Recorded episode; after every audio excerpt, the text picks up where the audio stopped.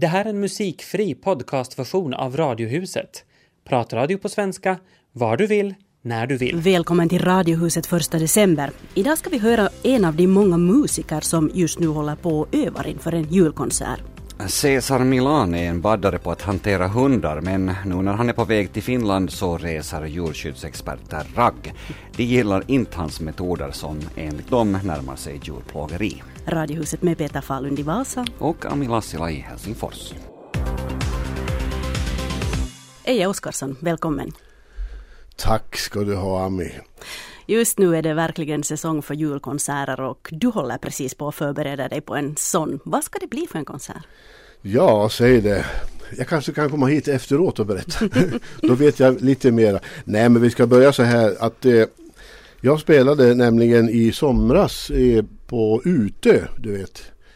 Platsen där, ett underbart ställe. I alla fall på sommaren kan man väl säga kanske. Mm. No, det är en, jättefin restaurang där och jag spelade med den här underbara svängige trumslagaren och sångaren och eh, den mycket sympatiska Ecke Likanen som du väl känner till.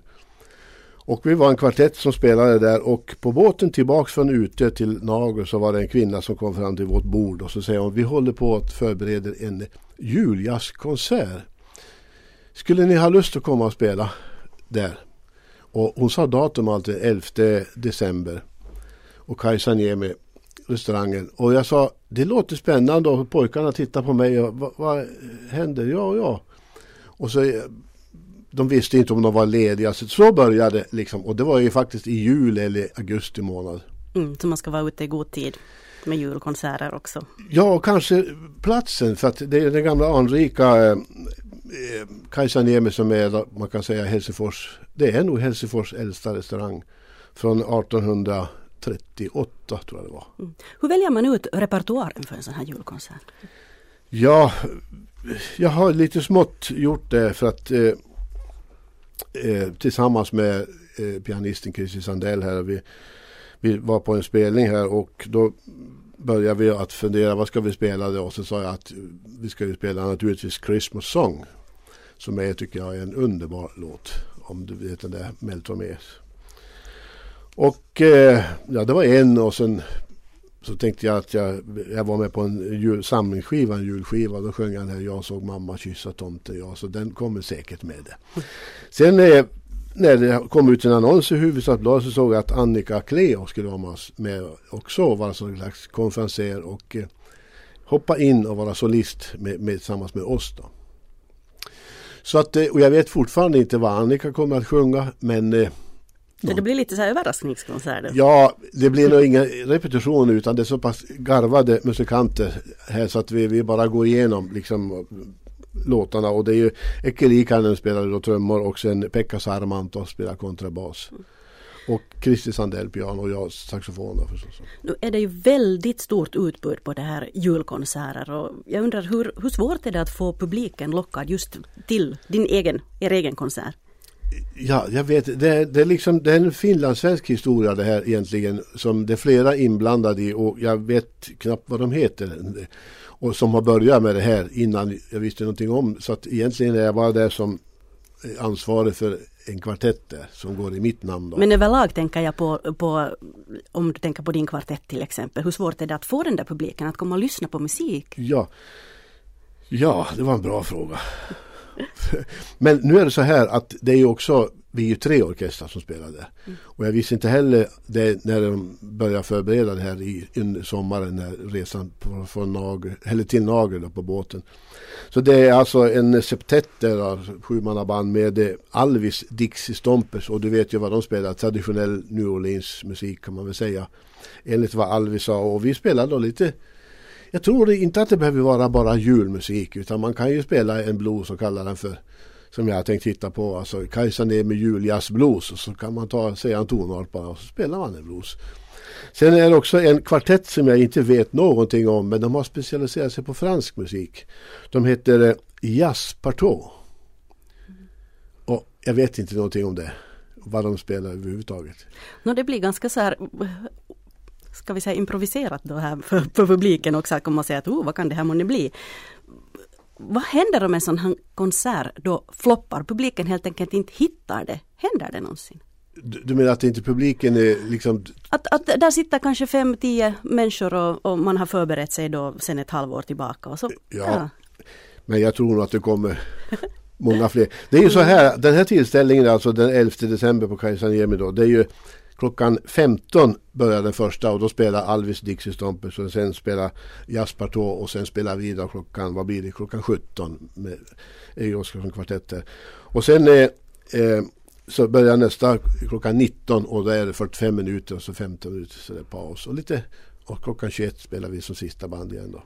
Hur stort är intresse för, för konserter nu om man tänker att det är ganska kärva ekonomiska tider och, och så vidare. Hur stort är intresset bland människor att gå njuta av musiken och betala för biljetterna också? Ja, det, det är också en bra fråga här. Men jag, jag tror att det finns ju många ställen i Helsingfors och, och jazz är ju omtyckt musiksort. Liksom, vi har ju eh, platser där det finns, eh, man, ja, det finns många ställen och, och det kommer många nya fina musikanter från Sibeliusakademin till exempel. Och, som håller till på jazzklubbar och, och spelar olika. Och, men och juljazzen där, jul, det var det du nämnde förut här. Det är ju Nå, nå är det ett utbud. Jag sa till den här damen som frågade oss vid bordet där att tänk på det. Det, det brukar vara juljazz på Finlandiahuset och på lite olika ställen sådär. Men eh, nå, det är kanske inte lika många nu. Jag vet inte men jag tror inte det. Mm, om man profilerar sig lite annorlunda då kanske har Ja. man en större chans. Det här tänker man att det ska bli en återkommande grej om det blir, om det ly- blir lyckat. Liksom. Och, och, och eh, jag tror nog att det blir det för att de har gått ut med reklam i tidningar och, och, eh, och jobbar väldigt seriöst för det här för att det ska lyckas. Att, Om vi funderar sådär på, mm, på konserter under en lång period. Du har ju jobbat som, som musiker i väldigt många år. Vad är ditt värsta konsertminne? Haha, ja du, det, det är nog många. Många, många. Men jag kan ju berätta en grej som jag inte glömmer. Jag träffade mannen i fråga som gjorde det för ett tag sedan här och han, det var det första han kom ihåg. Så var det just, kommer du ihåg den där grejen? Och det var nämligen Björn Skifs som jag reste med mitt band i Sverige då, runt. Vi gjorde olika turnéer som jag la upp då med mitt band. Så Björn Skifs var sångare och vi gjorde konserter då och eh, ibland spelade vi dansmusik och Björn sjöng också på dansen där då. Och vi var i, det var 25 grader kallt ute och vi kom, vi hade haft en sån där dubblering som det kallas. Vi hade haft ett ställe, det var uppe i Norrbotten. Och du kan tänka dig, det- det var januari månad. Och vi gjorde en fyra veckors turné i, framförallt i Norrland, eller tre, kanske det var tre veckor. Och eh, 25 grader kallt ute och jag hade av min omtänksamma mor fått ett par långkalsonger som såg rent ut för just det. De var gula, gröna och blå och röda och alla färger men de var varma. Och vi hann inte byta om så jag hade dem där under mina svarta byxor. Och sen sjunger eh, Björn, eh, så sjöng han eh, God Gallemis Mallemis ja. Och sen så rusar jag fram med min saxofon för att spela solo där och han kastar sig på knä och drar upp mina byxben ända så långt han kom. Och det står tusen människor nedanför. Och då, då, fast jag garvar på scenen så då började jag lite svettas och försökte skaka ner byxorna. Folk började skratta där. Det var ett sånt där som, som man kommer ihåg. Jag blev påmind om när jag träffade Björn för ett tag sedan. Där. Mm, det kanske inte låter så alldeles farligt i alla fall. Nej, det var kanske- inte så farligt.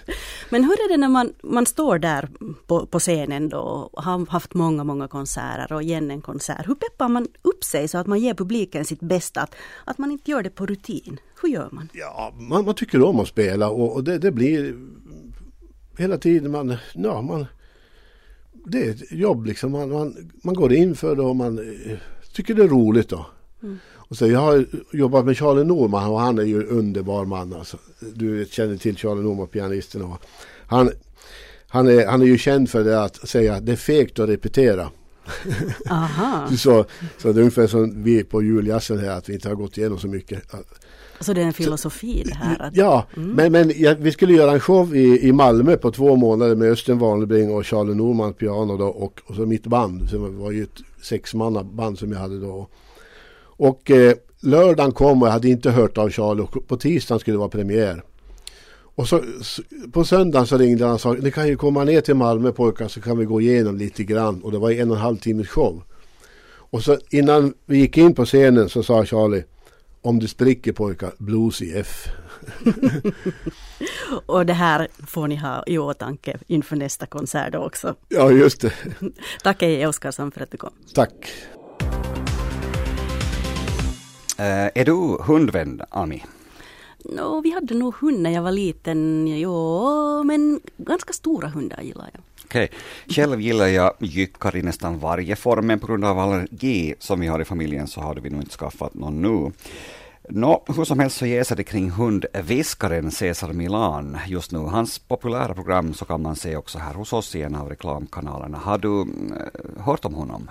Alltså jag såg faktiskt en rubrik om någon hundviskare men jag hade ingen aning om vad det var så sen läste jag inte desto vidare. Så nej, jag känner nog inte till honom. Hästviskare har man kanske hört mer mm. om. Mm. Men eh, jag har faktiskt fastnat någon gång framför burken då Cesare i farten och tyckt att yes, den här mannen vet vad han gör. Doggarna, stora bästar eller pyttesmå fjärtar, det spelar ingen roll, blir som snälla lamm under hans eh, behandling. Och så långt allt gott och väl, men nu när den jättepopulära eh, hundviskaren är på väg till Finland, ja, då tar det hus i helsike bland hundfolket här och vet du varför? Nej, jag tycker det där låter ju jättebra som han sysslar med. Han är någon sorts supernanny för, för mm. hundar då. Ja, varför är folk arga på honom då? Exakt, bra uttryck det där, supernanny för, för hundar. Eh, det finns en, en grupp av hundvänner som tycker att eh, hundpsykologen, som han då är, Milan, använder sig av dubiösa metoder. Att han kör med djurplågeri när han alltså, det här är enligt rykten som nu inte riktigt bevisade, disciplinerar hundarna. Skulle alltså enligt belackarna handla om att han ger elstötar, han har sån här elarmband runt, eller äh, nackband. Usch. åt de här problemindividerna. Men det här då, det visas då aldrig i TV-rutan utan i bild. Där sätter han bara händerna mot nacken på dem och hundarna som då i en betingad reflex äh, minns de här stötarna och voilà, hundarna de lyder utan knot. Så det låter verkligen obehagligt. Ja, det är lite som Pavlovs hund det där. Ja men usch. Mm. Ja, visst. Johan Holsten han är promotor för Live Nation som tar hit Cesar då i maj blir det. Och han säger till Ilta-Sanomat och flera andra tidningar också att han vet att, som han säger, en liten grupp anser att hans metoder är fel, men att den stora majoriteten tycker att de får hjälp av honom då de löser olika problem med sina hundar. Men eh, till exempel Helena Ylisirniö, som är verksamhetsledare på Finlands djurskyddsförening, hon är inte alls övertygad, utan skulle helst säga att hundviskaren han skulle, det här programmet skulle sluta sändas. Hon säger vidare att okej, okay, han gör nog många bra saker också, men ur ett rent djurskyddsperspektiv så finns eh, många metoder som inte kan accepteras. Och det här det är en åsikt som hon delar med flera internationella veterinär och forskarorganisationer. Ja, hördu du, vad ska man riktigt tro? Det låter lite som han skulle medge att han ju faktiskt håller på med någon sån här metoder och då tycker jag ju att då ska vi nog inte ta emot honom om det är så. Mm. Nå, enligt den här samme Holsten från Lion Nation nu då så kommer Milan inte att använda förbjudna eller tveksamma omoraliska, hur man nu väljer att uttrycka saken, hjälpmedel under besöket eh, här då i Finland. Eh, som säkert kommer att intressera många, men som alltså då inte gillas av en rad hundexperter, som till exempel ordföranden för föreningen Finlands djurutbildare, eh, Mia Kantinkoski. Hon säger att det är fel att bygga metoderna på rädsla och våld. Ett annat ett exempel på det, säger hon, är att Milan ofta puffar hundarna i revbensbågen här, där som, ja, där som den böjer sig. Han säger att det här inte ska göra ont, men, men därunder finns njuren. Mm. Så hon känner absolut rädsla för Finlands hundar. Och ja, det blev rätt negativt det här nu. Om... Ja, han kan nog få en del djurälskare i nacken på sig. Ja, det och det har han ju fått redan. Ja, men, här... Och, men, men, men ändå, samtidigt ska vi komma ihåg att han är, han är älskad och prisad av många och njuter stor respekt för, för uh, hans handlag då bland problemjyckarna. Och han lär helt säkert komma att dra stora skaror sen i maj då han kommer hit. Grr, säger jag. Inte grön men väl Granqvist heter du Dan. Ja. Välkommen till Radiohuset. Tack så mycket. Nu i helgen så är det dags för Melodi Grand Prix, MGP On Tour, där du kommer att vara konferencier. Själva finalen tidigare i höst drabbades ju av ordentliga ljudproblem och då bestämdes det snabbt att det blir de här konserterna nu i Helsingfors på lördag och i Vasa på söndag. Hur viktigt är det att det här blev av som du ser det? Nu tycker jag att det, det, är absolut viktigt. Den största glädjen för de här deltagarna, för artisterna, har ju nog varit att få uppträda. Själva tävlingsmomentet är ju en liten krydda till det. Men att få uppträda, få synas och få den här all coachningen som de har fått under hela projektet så, så är nog det som jag har uppfattat att, att det är det viktigaste om det sen äh, i och med att det sen i direktsändningen äh, var något problem med tekniken så, så tycker jag absolut att det är nog jätteviktigt att de får tillbaka det som, som de blev utan då, det vill säga en ordentlig show i TV. Det här tekniksjabblet då, så hur påverkades de unga av det här? Egentligen så har jag inget svar på det. Jag vet faktiskt inte mm. eftersom de, de visste ingenting, lika som jag inte heller visste någonting före hela showen var slut. Det var Eva och Henka fick, som var då programledare, så de fick i något skede i öronsnäckan att de skulle be om ursäkt för att det har varit problem med ljudet. Men det är det enda som någon av oss på golvet egentligen visste om de här teknikstrulen. Först efteråt när det var kaffe och kakao och alla fick träffa sina föräldrar och så, så då fick jag också höra av någon att det har varit ljudproblem. Så att, att det tog nog ganska länge före, före, före någon överhuvudtaget eh, av oss visste hur stort det var, det där problemet. Och, och, så att under själva showen så har det nog inte påverkat de här eh, artisterna överhuvudtaget. Men, mm. men sen hemma förstås när de kommit hem och insett vidden av det hela och pratat med sina kompisar så, så då de säkert reagerat på något vis på det. Men jag har inte själv pratat med dem sen dess. Så, att, så att det kan jag inte svara på tyvärr. Ja, kan det tänkas bli någon press eh, på dem nu i och med det här, eller? Nej. Jag tror inte att det blir det. Eh, den där, den där glädjen som vi såg på scenen när de var, jag menar det var ju en fantastisk show. Tyvärr så kunde inte alla TV-tittare ta del av den, den fantastiska showen som vi hade men det var ju helt underbar show och underbar stämning och filis. Så att eh, jag, jag, tror inte att det, att det påverkar dem, inte negativt i alla fall. Kanske att de vill göra ännu bättre nu när de får mm. ännu en chans. Var och när kan man nu se dem? Man kan se dem, no, dels kan man komma live och titta. Det finns över 100 platser kvar ännu här i Helsingfors. Dels kommer man titta på, på den här fantastiska showen, och sen också se hur en äkta TV-inspelning går till. Eh, det är nu på lördag klockan 15 så, så börjar showen här. Man kan gå in på svenska.yle.fi mgp och läsa all information om det. Det finns alltså hur mycket platser som helst kvar här till Helsingfors. Enstaka platser finns det också till Vasa. Där är showen nu på söndag, också klockan 15 på Kulturskafferiet Ritz. Eh, man kan också gå in där på samma svenska.yle.fi mgp för att läsa mer om det här. Vill man bara skicka ett, e-post så kan man göra det till fsu.fsu.fi och skriva att jag vill komma, får jag komma. Så det är på Ritz i Vasa, men sa du också var det i Helsingfors? Det är här i, på Yle-området i Studio 2, samma ställe som, som ursprungliga showen var. Det är helt gratis men man måste boka den här biljetten för att se till att alla får plats. Och man får biljetterna via nät, nätet då? Ja, via svenska.yle.fi mgp. Där kan man läsa all information och e-post är just fsu.fsu.fi. Mm. Kommer alla deltagare att, att uppträda på båda ställena? Jajamensan, det kommer de att göra. Och ena konserten TV-sänds och när kommer den, den att visas? Ja, det är den som är här i Helsingfors som kommer att bandas in för TV. Det kommer att bli en, en, en annat, ett annat paket än det som vi såg under den här eh, finalen då med, med, i och med djurproblemen. Så kommer det att vara en lite annorlunda show. Vi kommer att mera få höra så här backstage-tankar och funderingar, se lite mera förberedelser och sådana saker. Och det kommer att visas på FST5 på lördagen den 10 december klockan 16.25 och sen också sänds det repris under jullovet på onsdag den 28 i 12, fem före tre. Och själv då, Dan, hur hamnade du med här i MGP-svängen? Första gången jag egentligen hade någon kontakt med MGP så var när jag hade just börjat jobba på Radio Extrem på programmet Boomerang, så här, egentligen för den yngsta målgruppen som Radio Extrem har. Och då blev jag skickad till MGP för att göra ett reportage därifrån och sen dess så blev jag helt förälskad i hela konceptet. Och, och då svor jag nästan på att jag vill jobba med det där i något skede. Och nu får jag vara med och det, det är helt fantastiskt att vara med. Plocka fram en sak som är det bästa med det här.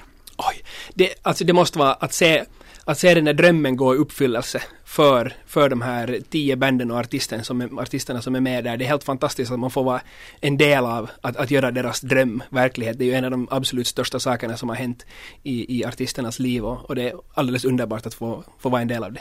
Då så, lycka till med alla arrangemang. Tack så mycket.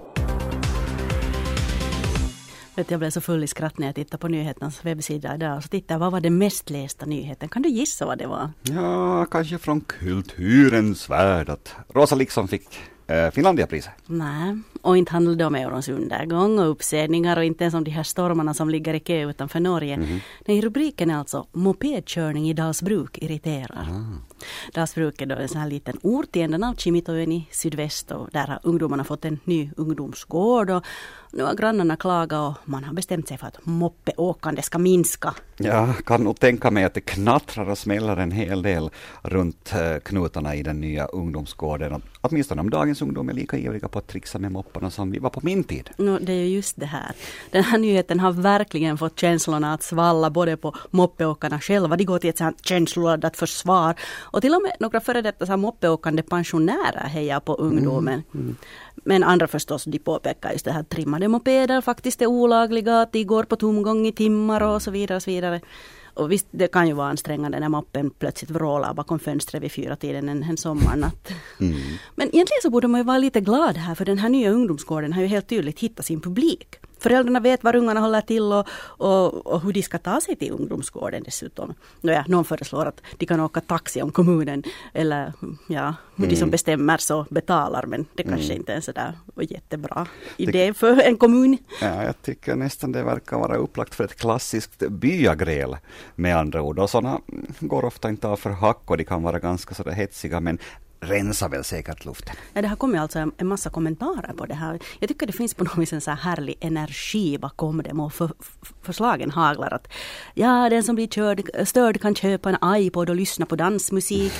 Ett äpple och vara glad var ett annat sådant positivt förslag. Och så säger de också att gnäll mera, bara vi kommer att köra mopo i alla fall. Alltså så här riktigt så här trotsig kommentar.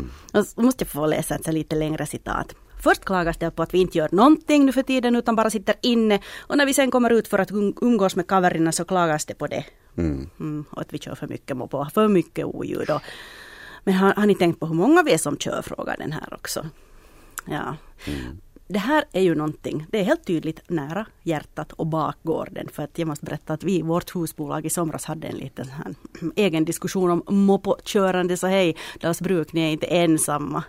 Men alltså jag måste nog säga, det är ju härliga de där åren där kring 15. Så nu ska man ju få ha roligt då, visst. Ja, och visst ska man det. Och vem har förresten sagt att man bara moppar när man är runt 15 år? Själv så kör jag eh, med min till jobbet var och varannan dag och det går riktigt bra. Låt det genast stå klart. Jag hör verkligen inte till dem som brukar hysa sympatier för rävflickor, batikflummare eller annat löst pack som i skydd av nattens mörker bryter sig in i privat egendom och smygfilmar. En ladugårdar, en svinhus och en hönsfarmer. Men låt det också sägas att jag i ärlighetens namn nu är lite imponerad av dem. De verkar nämligen exakt veta hur en slipsten ska dras då det gäller att både få fram sitt budskap och få folk att köpa det. Då de första så kallade smygfilmerna tagna på finländska jordbruk för några år sedan släpptes hörde jag till dem som högljutt fnös åt gröngölingarnas och humflummarnas påhitt att bryta sig in och filma illamående och sjuka djur i våra produktionsanläggningar. Det är klart att då det rör sig om sammanlagt tusentals och åter tusentals djur måste det ju alltid bland dem finnas både ett och annat som är skadat eller sjukt oavsett vad det är för djur. En förmodligen rätt typisk inställning bland stordriftshushållningens bundsförvanter och det traditionella finländska lantbrukets försvarare. Så fortsatte jag att utåt fnysa åt djuraktivisterna och deras påhitt varje gång en ny smygfilm med sargade eller sjuka kreatur dök upp och snurrade i tv-rutan, vilket ju skedde rätt ofta under flera års tid.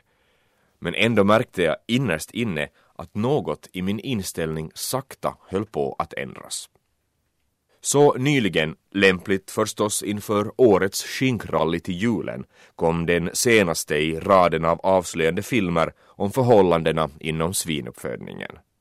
Och då bilderna på än en gång de variga och eländiga kräken spelades upp i tv-rutan var min reaktion nu helt ny och jag tänkte, men fan anamma att man inte får bukt med det här. Och för första gången var det inte smygfilmarna som bryter sig in som jag avsåg och ville ha bukt på, utan missförhållandena som dokumenterats i svingårdarna. Rävflickorna och batikflummarna hade igen vunnit en själ över på sin sida. Fast egentligen, låt det också stå klart, sympatiserar jag fortfarande inte med själva rävflickorna, om jag nu får kalla dem det, utan tycker fortsättningsvis att det de gör är fel. Men jag erkänner att djupt inne i mig har det börjat gro ett litet misstroendets frö gentemot stordriften i djuruppfödningen och näringen själv och dess intresseorgan gör ju saken inte bättre för att försvara sig. För då djuraktivisterna i Helsingfors visar upp döda griskultingar som de hittat på svingårdarna, ja då blir producentorganisationen MTK sur på och fördömer själva tilltaget. Istället för att kraftigt ta avstånd och fördöma så dålig skötsel av djurgårdarna att döda djur ligger i knutarna och skräpar. Tala om att såga av grenen man sitter på och att ha noll koll på både kommunikation och skadebegränsning och att inte förstå konsumenternas sätt att tänka. Med sina resurser borde kanske MTK kunna bättre. Jag heter Kai Backman och funderar för första gången i mitt liv på att till jul köpa en ekoskinka. Och hej, ni på MTK, om ni behöver en ny kommunikationschef, vilket ni gör, slå en signal.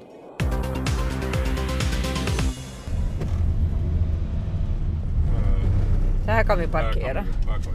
Jag märker att det är granar som är så att säga mitt på en åker, att vi far inte i en skog. Nej, all gran är på, på åkermark i dagens läge. Alla planteringar finns på åker. Varför det då? Nå, granen växer snabbare och blir snyggare och, och, och så är det också för, för granodlaren mycket bekvämare till, till körda. Att det är, många, det är många fördelar med det. En nackdel är den att granntjuvarna också har lättare att skörda. Nå, också det är möjligt förstås men det, det finns lite av dem och det är bra så. Att det, det är hemskt lite vad det försvinner. Då får vi ut Rainer och tittar på granar.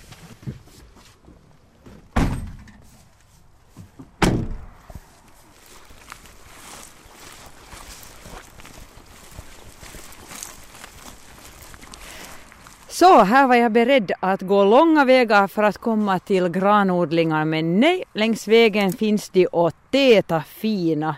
Det är vanlig finsk gran men granen är verkligen, måste man säga, vacker. Och fin mörk färg och, och man har ju arbetat en hel del med det här att det, man är ju och, och trimmar granen och klipper den årligen. Vad är rätta längden på en gran? Nå, I dagens läge i lägenheterna så en gran på 2 meter, 2,10, 2,20 räcker bra till. När du säger att det är vanlig gran så vad heter det på riktigt? Det är en vanlig finsk gran. En skogsgran? Skogsgran som man säger, ja. Och sen har vi ju också andra morika granar, serbiska granar, att, att de, är, de är lite annorlunda i färgen. Hur lång tid tar det innan man får en färdig julgran på lite på två meter och så här tät och fin? Nå, om man har alla systemen i, i skick så 7-8 år så kommer man till resultat men får man räkna med i medeltal från 8 till 10 år innan det är färdiggranat. Det, det är den där växttiden och desto mer man går norrut så desto längre tar det för granen till växa. Att där det kommer i mellersta Finland redan får man räkna med 12 år. Hur viktig är en julgran i ditt hem? Visst är den viktig. Det är den nog. Den skapar julstämning och den är liksom hör till julen. Är det en äkta gran då du tänker på? Det är en äkta gran jag tänker på, ja. Absolut. Hur skaffar du din julgran? Ja, antingen köper jag den av en, en som försäljare då eller så får vi av någon bekant från deras egen skog.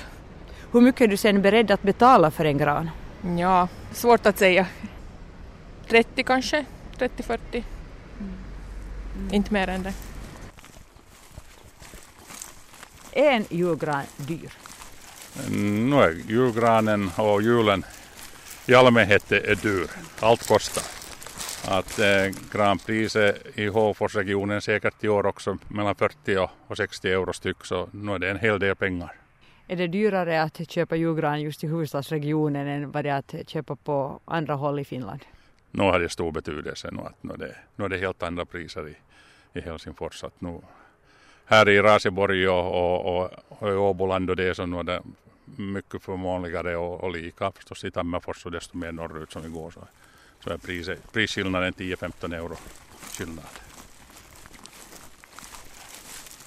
Hur är det här med frun då? Ska du ha en julgran hemma hos dig? Jag har inte haft julgran på många år nu. bara mycket granris och tallkvistar och, och så här och det är bra så vi firar huvudsakligen jul hos, hos släktingar eller barn och barnbarn. Varifrån tar du alla grankvistar då? Grankvistarna inbjuds jag till att ta ifrån Horsbäck. Helt lagligt. jag får nog gran därifrån också om jag vill ha, men jag tackar nej nu de senaste åren. Hur viktigt är det då med en julgran? Jag menar när du nu far till barn och barnbarn och, och de har gran. No, det är viktigt för dem och ja, vi får ju se de granarna där och vill man nu se njuta ytterligare så kommer man hit till torget och tittar på Ekenäs fina gran eller går i kyrkan och ser på någon vacker gran eller gra, vackra granar finns ju överallt. Förr var det viktigt med gran, den skulle gå upp till taket och, och, och på den tiden bodde jag i Helsingfors och det skulle vara stans finaste helst. No, nu är det så i dagens läge med julgranen som också med julskinkan. Man får danska och man får billiga från vissa affärer. Har det här märkts bland er julgransodlare? No, no, märks det klar sak. För de senaste åren så har man ju sett att det har kommit ganska mycket danska granar på marknaden men de här två senaste åren så, så har importen av dem minskat och, och det beror del, delvis på det att, att den danska granen den är förstås Normandian ser annorlunda ut och, och sedan är de ganska korta, de brukar vara 1,50-1,60 långa, glesa och vi här finnar så är vi riktigt vana med, med sådana granar att det ska, det ska nog vara den här finska granen, den har nog sin marknad. Men vad är det som gör att eh, folk köper danska granar? Är de så pass mycket billigare? No, I priset är det så stor skillnad. Men det är klar sak att nya generation som kanske ser på, på andra granar också att det, och, och, och så människor som prövar och, och vill ha lite ombyte emellan och så går man igen till den här finska granen. Tänker du ha julgran i år? Jo, det tänker jag nog ha. Varifrån kommer granen?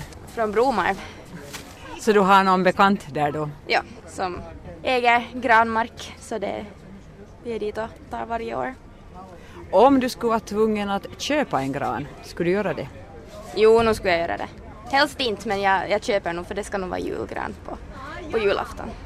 I dagens läge kan man köpa också till exempel danska julgranar. Om du då skulle vara tvungen att köpa en gran, skulle du kunna tänka dig att köpa en utländsk gran? Ja, kanske. Hur är det med plastgran då? Nej, det är nog inte. Det tycker jag nog inte hör till. Då kan man lika bra vara utan. Hur konjunkturskänsliga är de här granarna, eller egentligen ni som odlar granar? Märks det genast när folk har eh, mm, mindre pengar att röra sig med eller att de överlag är försiktigare med att eh, slösa, använda pengar? Märks det också när det gäller julgranar? No, om lågkonjunkturen håller i en längre tid som det var på 90-talet så då märkte man nog det där att efterfrågan på granen minskade men, men nu de här senaste åren så har, det nog inte, har man nog inte märkt det och, och ser det ut också i år att nu är det kommersen tycks löpa någorlunda normalt. Det ska vara julgran och skinka och, och kanske lite Koskenkorva. Rainer Johansson, hur ser en äh, idealisk julgran ut för dig? No, I mitt fall så skulle jag säga att granen ungefär i den stilen som är bredvid dig där är en gran på en 240-250 lång och och tät och, och mörkgrön så jag nöjer med mig med en sådan. Och hur pyntar du den? No, det behöver ju inte vara så mycket att det är ljus och kärna och lite bollar och så där är det. Rainer Johansson intervjuades av Tina Grönros. Det här var en musikfri podcastversion av Radiohuset som sänds i Radio Vega måndag till torsdag. Mer information om programmet hittar ni på svenska.yle.fi radiohuset.